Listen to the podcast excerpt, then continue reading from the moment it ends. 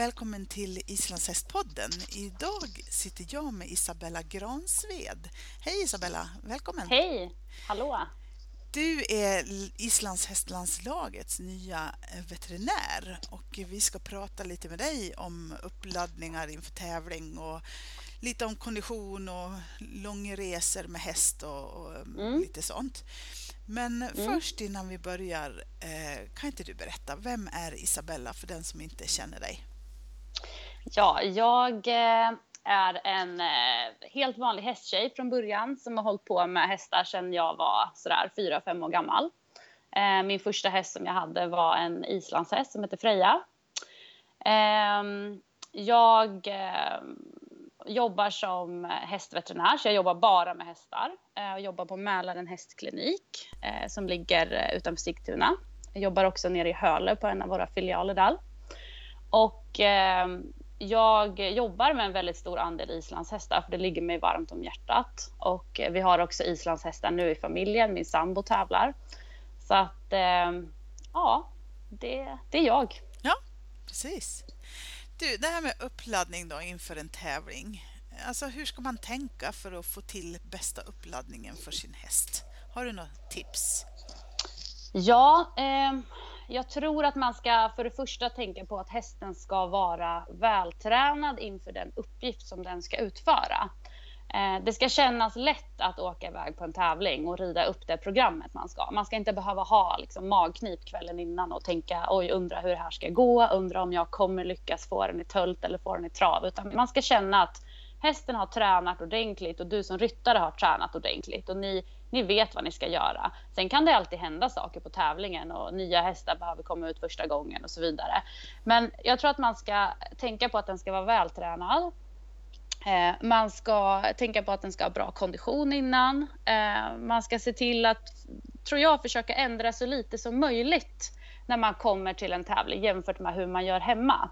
Mm. Så att hästen eh, kan man säga känner igen sig. Eh, att man, man kan nästan tänka när man är hemma att man låtsas att man rider på en tävling så att det inte blir så stor grej utav det utan att man får in det här med liksom tävlings, eh, tävlingsridningen och tävlingstänket även hemma så att inte det kommer som en chock för hästen utan att den känner sig trygg. Mm. Alltså det här med kondition då. I ryttarförsäkran så skriver vi ju under att hästen är erforderligt tränad för tävlingsdeltagande, står det. Eh, mm. vad, hur, vad räknar man som bra kondition? Hur vet man det då? Det är ju väldigt olika också beroende på vad hästen ska göra. Ehm, jag menar, att, att rida, till exempel att, att rida en, en, T8 eller en V5, det kanske inte krävs lika bra kondition som att eh, tävla en, en, en femgångsfinal. Eh, så det är väldigt...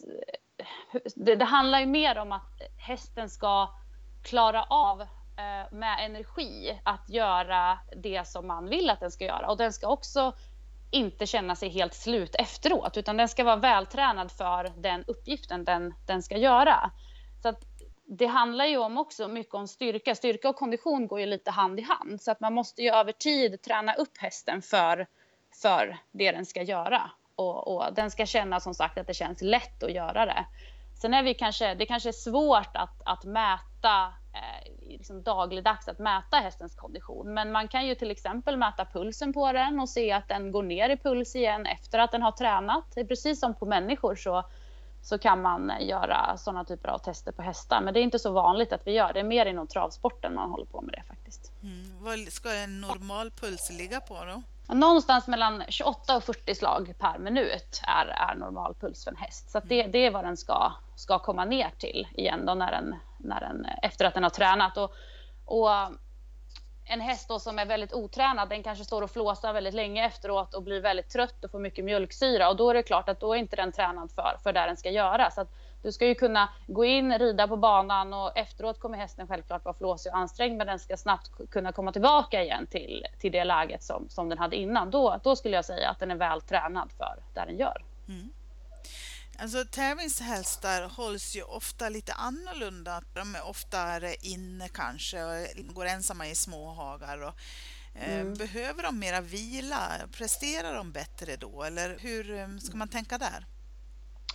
Jag tror att det där är väldigt individuellt. Jag tror att det handlar om att, att lära känna sin häst jag får ju ofta höra att eh, ryttare kommer och säger att ja, men på sommaren när den går ute dygnet runt så blir den så trött. Och ja, det kanske den blir för att den kanske inte får lika mycket vila och den är mer vaken och den är mer uppe och, och äter och gör saker hela dygnet. Men men sen finns det också hästar som mår mycket bättre av att vara ute hela tiden och, ha, ha ett mer naturligt liv. Så att när man tittar på hästarna eh, liksom i, i landslagstoppen så är det ju väldigt individuella upplägg för olika hästar. Vissa går ju ute Eh, på nätterna och går i flock eh, medan andra hålls mer ensamma och kanske i mindre hagar. Och det kan ju också vara en, en en, en rädsla för att hästen ska bli sparkad och att man kanske missar den här jättestora tävlingen ifall någonting händer. Så att det där det där är ju någonting man får testa sig fram till vad som funkar bäst för den hästen där man märker att hästen mår bra. För att mår den bra så presterar den som bäst. Mm. Eh, det här med foder då inför tävling. Eh, ska, mm. Är det någon vits att trycka i dem extra kraftfoder som en del gör? Eh, en stund innan tävlingen. Kan man ladda dem med mera energi på den vägen? Ja, jag tror inte riktigt det. Mm. Man har ju gjort, eller man håller ju på med mycket försök också på SLU vad det gäller kraftfoder.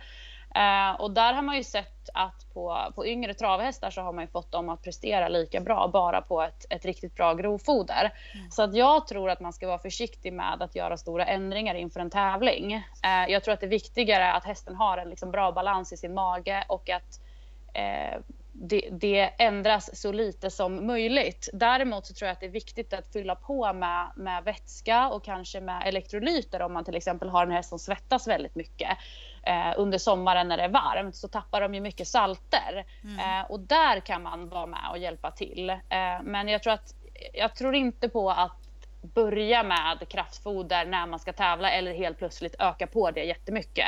Eh, sen är det självklart att vissa kanske har hittat ett koncept där de märker att min häst går bättre när vi gör så här. Och jag säger inte att det är fel, men jag tror man ska vara försiktig och tro att man bara kan ladda upp hästen. Jag tror snarare att hästens kropp blir förvånad över att nu ändrade sig någonting jättemycket här och, och sen ska jag gå in och prestera och tävla. Tror jag är bättre att man har liksom samma linje så att allting är mer likt som det brukar vara så att den kan prestera. Mm. Du nämnde elektrolyter. Mm. Berätta, vad är det? Elektrolyter det är ju liksom ett samlingsnamn för olika salter eh, i kroppen. Och eh, det är någonting som, som försvinner med ut när hästen svettas. Och är det så att det blir en obalans i, i de här elektrolyterna så får man en häst som är, som är mer trött och det tar längre tid att återhämta sig. När, när jag ska förklara det här för hästägare så brukar jag skoja om att att när ni är bakis, när ni har druckit alkohol, då har ni en elektrolytrubbning. För att då har man kissat väldigt mycket och man har tappat mycket salter i kroppen. Och då kan man ju känna sig trött, orklös, man kan få ont i huvudet och så vidare. Eh, men sen om man fyller på med de här elektrolyterna så kommer man snabbare tillbaka. Alltså när, när den här saltvattenbalansen har återställt sig, då är kroppen som den ska vara. Då funkar alla signaler och man eh, får muskelstyrka tillbaka och så vidare. Så att har man, har man en häst som svettas mycket under tävling eh, och den blir stressad till exempel, då kan det vara värt att tillsätta elektrolyter i vattnet så att hästen snabbare laddas tillbaka där den var. Man kan tyvärr inte ladda en häst innan med elektrolyter för då kommer den bara kissa ut överskottet. Men man kan vara med och fylla på med, eh, med det när hästen, samtidigt som hästen svettas, så att den snabbare återhämtas. Mm. Så man eh, tar det i vattnet så att säga? Mm, precis, det bästa är att blanda det med vattnet och då tas det upp bäst. Men har man en häst som är dålig på att dricka så kan man ju blanda det med något bet för vatten eller blanda det med lite mash som man blöter upp eller någonting så att hästen eh, vill dricka i sig det helt enkelt. Mm. Och det köper man på foder, där man köper foder så att säga? Ja, precis. Det finns, det finns flera olika ja, märken då som de man har specialiserat sig lite på det här och, och många, många liksom tävlingshästar som reser långt och inom alla raser de, de får sånt här extra då när de ska resa till exempel. Mm. Precis, om vi går över på det här med resa och foder. Hur fodrar man när man ska ut på en lång resa? Mm. Det där är också väldigt individuellt eh, och man behöver ju lära känna sin häst och se vad, vad den hästen fungerar bäst på. Men generellt kan man ju säga att om du, om du har en häst som brukar äta eh, en del kraftfoder så brukar man försöka dra ner på kraftfodret när hästen ska stå still länge. Just för att eh, den inte ska drabbas av någon förstoppning eh, eller att magen ska liksom saktas ner. För att när den står still så blir det ju inte lika mycket rörelse utan det finns alltid, alltid lite större risk för kolik och sådana saker. Eh, så man brukar försöka dra ner kraftfodret och försöka stimulera den till att dricka ordentligt så att den inte blir uttorkad eller förstoppad. Mm. Hur långt är en lång resa? Vad ska man tänka? Att nu ska jag ut på en lång resa. Är det en timme eller är det fem timmar? Eller är det mer? ja du, eh, det får man nog fråga hästen om. Um, nej men det, det, du kan ju, alltså det kan ju vara så att du har en, en, en ung häst som reser för första gången och den reser i en timme och den är helt färdig efteråt och den är stressad och svettig och mår, eh, mår dåligt efter en resa för att den inte är van att resa. Och sen kan du ju ha en tävlingshäst som åker i åtta timmar och den kliver ur trailern och skulle kunna direkt gå ut och prestera. Mm. Så att jag tror ju mycket på att man måste göra det naturligt för hästen att resa. Har man en häst som tävlar då måste man träna på att åka med den. Jag tror inte att det jag tror inte att det är fördelaktigt att bara åka med den två gånger eller tre gånger när man ska åka iväg på en tävling utan man behöver kanske åka på träningar, man behöver bara köra den ibland och bara se att den lär sig att det är helt naturligt att åka i hästtransporten. Mm. För man märker ju ofta på, på tävling att du har ju alltid personer som har problem att lasta och då blir det här ett stort eller lasta eller resa med dem, då blir det här ett stort stressmoment som tar massa energi, både från hästen och från, eh, och från ryttaren ja, som är stressad precis. över det här. Och det kanske gör att, att tävlingen inte går lika bra för att man har fokuserat lite på fel sak. Mm. Så att jag tror att träna på att åka med hästen och få hästen trygg, trygg och lugn i transporten, det gör att den kommer inte tycka att den här resan är så lång och jobbig som den kanske skulle ha gjort om den inte var van vid det. Nej. Men en, timme på, alltså en, en timmes resa skulle inte jag tycka är långt. Men däremot tar man tre eller fyra timmar börjar man närma sig en längre resa. Men som sagt, det är väldigt individuellt. Mm. Mm. Men finns det något generellt som man kan säga hur jobbigt det är för en häst att stå på en transport? Eller är det helt individuellt så sett? Mm. Jag skulle, jag skulle säga att det är väldigt, eh, väldigt individuellt. Eh, mm. men det är klart att den måste spänna sina muskler och stå och parera när den reser. Så att, mm. Ja, jag kommer inte ihåg exakt om de har tittat på det där med hur jag, jag tror att det är någon som har tittat på det och de har sett att, att man kan likställa en, en viss tid i transporten med en viss typ av träning. Och okay. det kan jag tänka mig också med tanke på att de, det är inte så att de bara kan stå still som de gör i boxen utan man svänger ju och man bromsar och det blir mm. hela tiden att hästen måste parera. Mm. Och det där är ju hästarna olika duktiga på och det är det man ser då att vissa blir väldigt stressade för att de kanske gör det här mer än andra medan andra har det mer naturligt att de bara följer med när, när hästtransporten rör sig om man mm. säger så. Och sen kan det också vara att vissa hästar eh, åker mycket bättre baklänges eller åt sidan eller eh, i, i, en, i en hästlastbil istället för en trailer och att beroende på hur den står så kan det vara olika jobbigt för den. Och har man en häst med problem som är väldigt trött eh, och stressad när den kommer fram, då kanske man, och det inte ger sig med tiden, då kanske man måste fundera på ett annat transportalternativ och prova med och se om det funkar bättre. Ja, just det. Du pratade eh, om det här med att få hästen att dricka. Ehm, finns det något knep för det? Ja, det finns ju några olika knep och framförallt så är det väl att försöka få hästen att tycka att det är gott för att vatten är ju ganska smaklöst och ibland kan det vara så att det är en annan typ av vatten när man kommer fram till tävlingen vad det var hemma och då vill den inte heller dricka för det smakar konstigt. Till exempel så kan man ju göra det här vi kallar för betfårvatten, att man tar lite torr betfår och blöter upp i en hink med mycket vatten så att det smakar lite sött om vattnet och hästen ehm, hästen får liksom sörpla i sig vattnet för att komma ner till betfåren. Och man kan ju också lägga i någonting i botten på hinken, kanske äpplen eller morötter eller vad nu hästen tycker om för att den ska vara tvungen att dricka lite för att komma ner dit. Det finns också något gammalt knep där med, med äppeljuice som man kan hälla i vattnet då för att det ska bli lite mer smakligt. Så att, eh, där får man testa sig fram lite. Eh, på senare år har det också blivit ganska populärt att ge mash eh, sån här blandning med lite olika söta saker i som man kan eh, blanda med en väldigt hög andel vatten för att få hästen att sörpla i sig och dricka mer. Mm. Hur vet man om en häst har blivit uttorkad? Mm. Eh, det, det, är nämligen så att det är ganska svårt att eh, se en lindrig uttorkning på en häst. För att för att vi ska kunna märka att de är uttorkade så måste de vara minst 5% uttorkade har jag fått lära mig. Eh, och då kan man känna, om man känner på slemhinnorna där eh, ovanför framtänderna så brukar de vara lite klibbiga. Eh, I vanliga fall så ska de vara väldigt eh, fuktiga och det ska vara så slimigt när man tar med fingrarna på där. Men om de är lite torra och lite fnöskiga, då, då är hästen uttorkad. Eh, man kan också göra det här testet att man drar i huden. Eh, när man drar i huden på en häst som inte är uttorkad då ska den snabbt liksom gå tillbaka och lägga sig på plats igen. Mm. Men har man en uttorkad häst så brukar huden stanna kvar i det läget man drog ut den i eh, en stund innan det går tillbaka. Mm. sen får man bara komma ihåg att på äldre hästar så blir det huden lite slappare så att på dem så kan det vara så att man tror att Alltså att huden ändå inte åker tillbaka fast den inte är uttorkad. Mm. Mm. Eh, så att där får man, liksom titta, man får lägga ihop allting och titta på slemhinnorna, känna på huden och sen också såklart titta på hästen. Verkar mm. den vara trött eller, eller, eller lite tagen på något sätt så kan det ju vara bra att kolla över det här. Mm. Det här med transportskydd och tecken och allt sånt där då? Ska man mm. satsa på det? Ja du, eh, jag, har ju, jag som har varit mest i storhästvärlden innan har ju märkt att de använder väldigt mycket mer skydd eh, än vad islandshästar gör överlag skulle jag säga. Eh, det är också väldigt individuellt. Eh, en häst, om, om vi säger så här då, en häst som står bra i transporten och som inte håller på att trampa runt, den tror jag står bättre utan skydd eh, och utan eh, någonting, för då behöver den inte bli för varm, eh, ingenting stör på benen, den kan stå naturligt precis som den gör i hagen. Har man en häst som lätt eh, trampar om i transporten, den kanske sparkar i väggarna, den, den gör olika saker som gör att det blir en risk för att den ska trampa sig eller skada sig.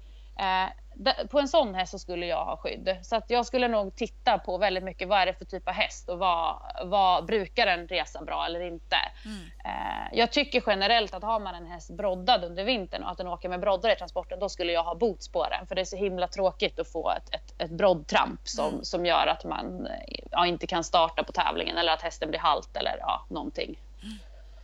mm. Så, så, så tänker jag. Precis.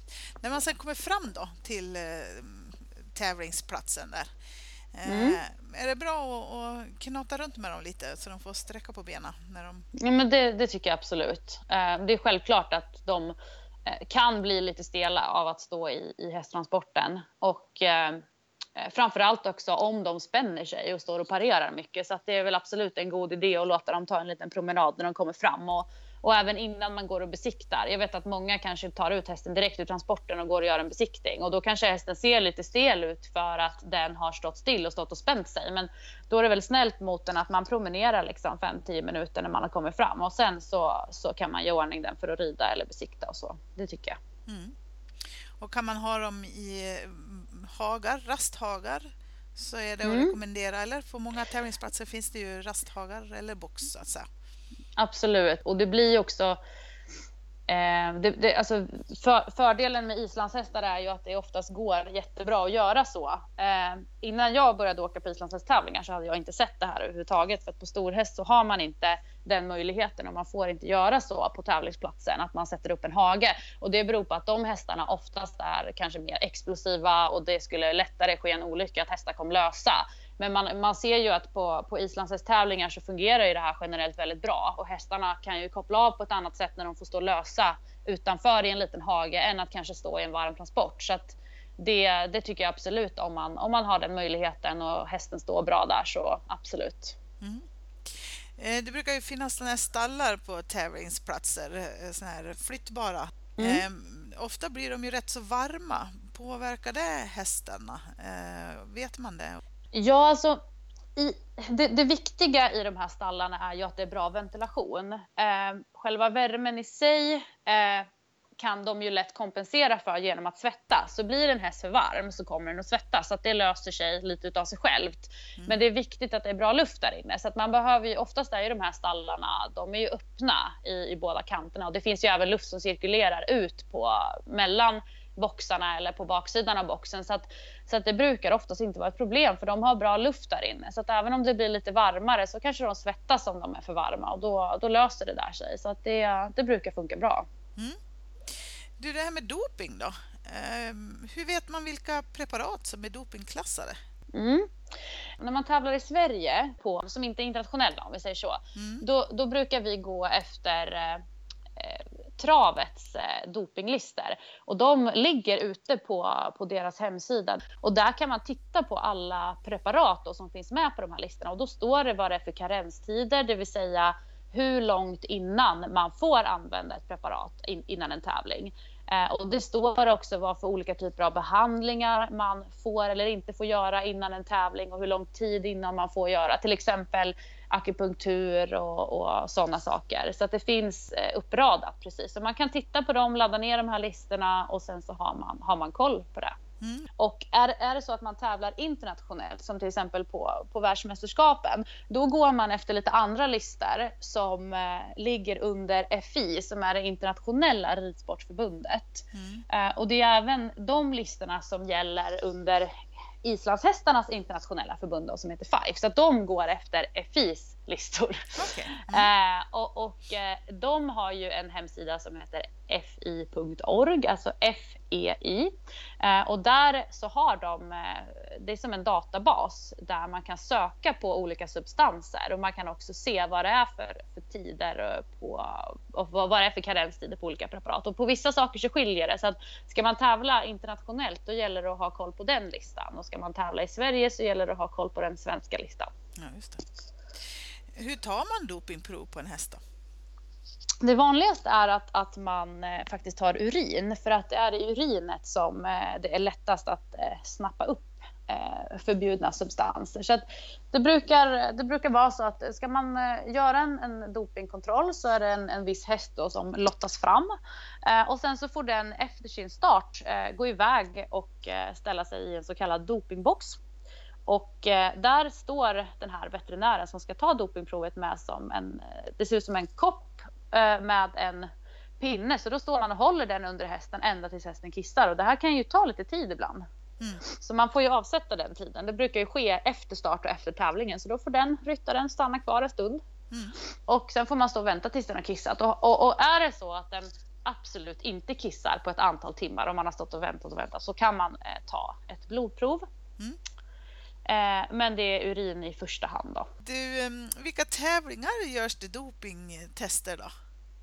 Alltså det kan ju göras dopingtester på, på i princip vilken tävling som helst. Men eh, det vanligaste är ju att det här är på, på de större tävlingarna. Eh, på de som har lite mer internationell status. Ja, men som på SM kan det göras och det kan göras på VM eller det kommer göras på VM. Så på, på, på de större tävlingarna så kan man räkna med att, att, det, att det kommer att tas prover.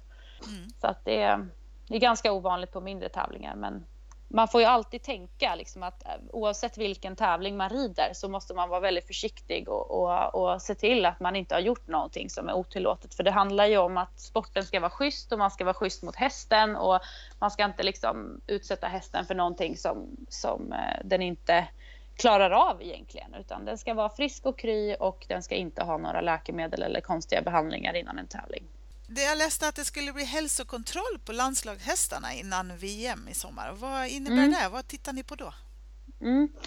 Alltså det, det det handlar om egentligen det är ju att vi vill ju att de hästarna som åker ner och representerar Sverige på VM, att vi vet att de hästarna mår bra. För det hade varit väldigt tråkigt om vi kom ner dit och sen visade det sig att en av hästarna var halta eller det var någonting som gjorde att den inte kunde starta. Sen kan det ju givetvis hända saker på vägen som inte vi kan kontrollera.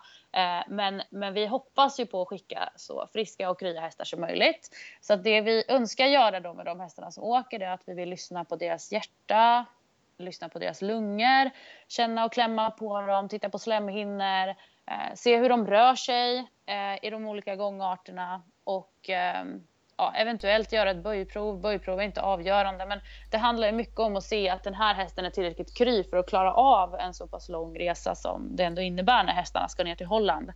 Och eh, att, de också, att vi också har någon form av status på dem. För det kan ju vara så att en viss häst alltid brukar vara lite öm på ett visst ställe eller att den brukar eh, röra sig på ett visst sätt men att det kanske inte påverkar en eh, på ett negativt sätt. Och då är det bra för oss om vi vet det innan så att man inte kommer ner dit och tror att nej men det här, nu har det hänt något. Utan vi behöver ha lite koll på dem så att vi kan eh, hjälpa till på bästa sätt om någonting skulle hända. Mm. Är det en kontroll som man borde göra även på sin egen vanliga tävlingshäst eh, varje år? Ja, eller så? Tänker du? Ja, jag tycker det faktiskt. Och jag tror att vi eh, som jobbar mycket med hästar och, och, och hälter och, och olika problem med rörelseapparaten och tävlingshästar, vi, vi veterinärer vi vill ju gärna komma till det här läget att vi kan jobba förebyggande istället för att eh, se hästarna när de väl är sjuka och har skadat sig.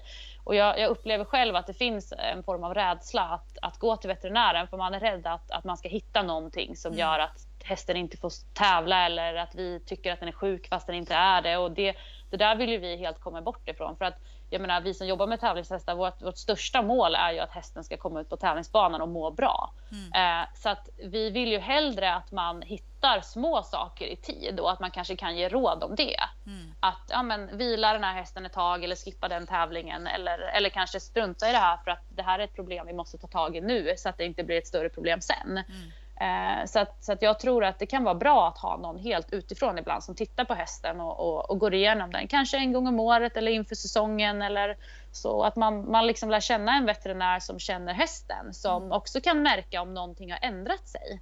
För att vissa hästar är ju ömma när man gör böjprov och de kanske rör sig lite avvikande på något sätt men att de alltid har gjort så och att det inte är ett problem. Men då är det alltid bra att ha någon form av status och veta att så här brukar den här hästen vara och är det någonting som ändrar sig från det här läget då kanske vi ska ingripa. Mm, precis. Så det är dit, dit vill vi komma gärna och det tror jag att man ska försöka ha som tänk också med oavsett vilken häst det är så att man kan undvika de här större skadorna. Precis. Det här med vaccinationer då, hur ska man tänka runt det? Mm. Ehm, för det första så gäller det ju lite att ha koll på reglerna, ehm, att hästarna är korrekt grundvaccinerade eh, och att de är vaccinerade regelbundet och efter grundvaccinationen. Och det där skiljer sig också lite om man ska tävla på en mindre tävling i Sverige jämfört med om man ska rida en, en större tävling här eller en internationell tävling. Så att först eh, fundera över vad det är för typ av tävlingar du ska rida och se om du behöver vaccinera med kortare intervall eller längre intervall. Eh, sen så föredrar jag att eh, hästarna vaccineras så långt bort från tävlingarna som möjligt. Alltså innan tävlingssäsongen drar igång så kan man helst, helst göra vaccineringen. För att det, det, är ändå så att när man vaccinerar så påverkar man hästens kropp. Och vissa hästar får lite feber efter vaccineringen. Och eh, immunförsvaret går igång på högvarv så hästen måste jobba med vaccinet eh, och det tar lite energi. Och det är därför vi veterinärer brukar säga att hästen ska vila eller ridas väldigt lugnt i alla fall två dagar efter, efter vaccineringen. Så det är inte så bra att göra det här precis mellan två tävlingar eller, eller nära en tävling. Sen har man ju alltid liksom en veckas karens i alla fall men men då kanske man missar en värdefull träningstid eller så när man, om man tar det här precis mitt i säsongen. Så att försök gärna att liksom planera det här med vaccineringarna så att du får dem innan säsongen drar igång. Om vi kollar lite grann på hur det ser ut med vaccineringen nu då, för det gjordes ju om. Mm. Så är det ju grundvaccineringen som görs först, två sprutor. Mm. Precis. Och sen kommer tredje sprutan. Ja, eh, men det beror lite på som sagt. Ska du, ska du tävla på en, en tävling med internationell status, till exempel som på SM nu, eh, så har det blivit så att de hästarna måste ha först två grundvaccinationer och sen behöver de ha en tredje spruta inom sju månader. Mm. för att få en korrekt grund. Mm. Sen så gäller det att när de anländer till tävlingsplatsen så får det inte ha gått mer än 6 månader och 21 dagar sedan de sist var vaccinerade. Nej, så att de här hästarna behöver ju ligga på ett halvårs eh, intervall. Mm. Ungefär då i, i sin vaccinering. Men, men på mindre lokala tävlingar i Sverige när man inte har de här reglerna, då räcker det med att hästen är grundvaccinerad två gånger och sen är den vaccinerad en gång per år. Mm, precis.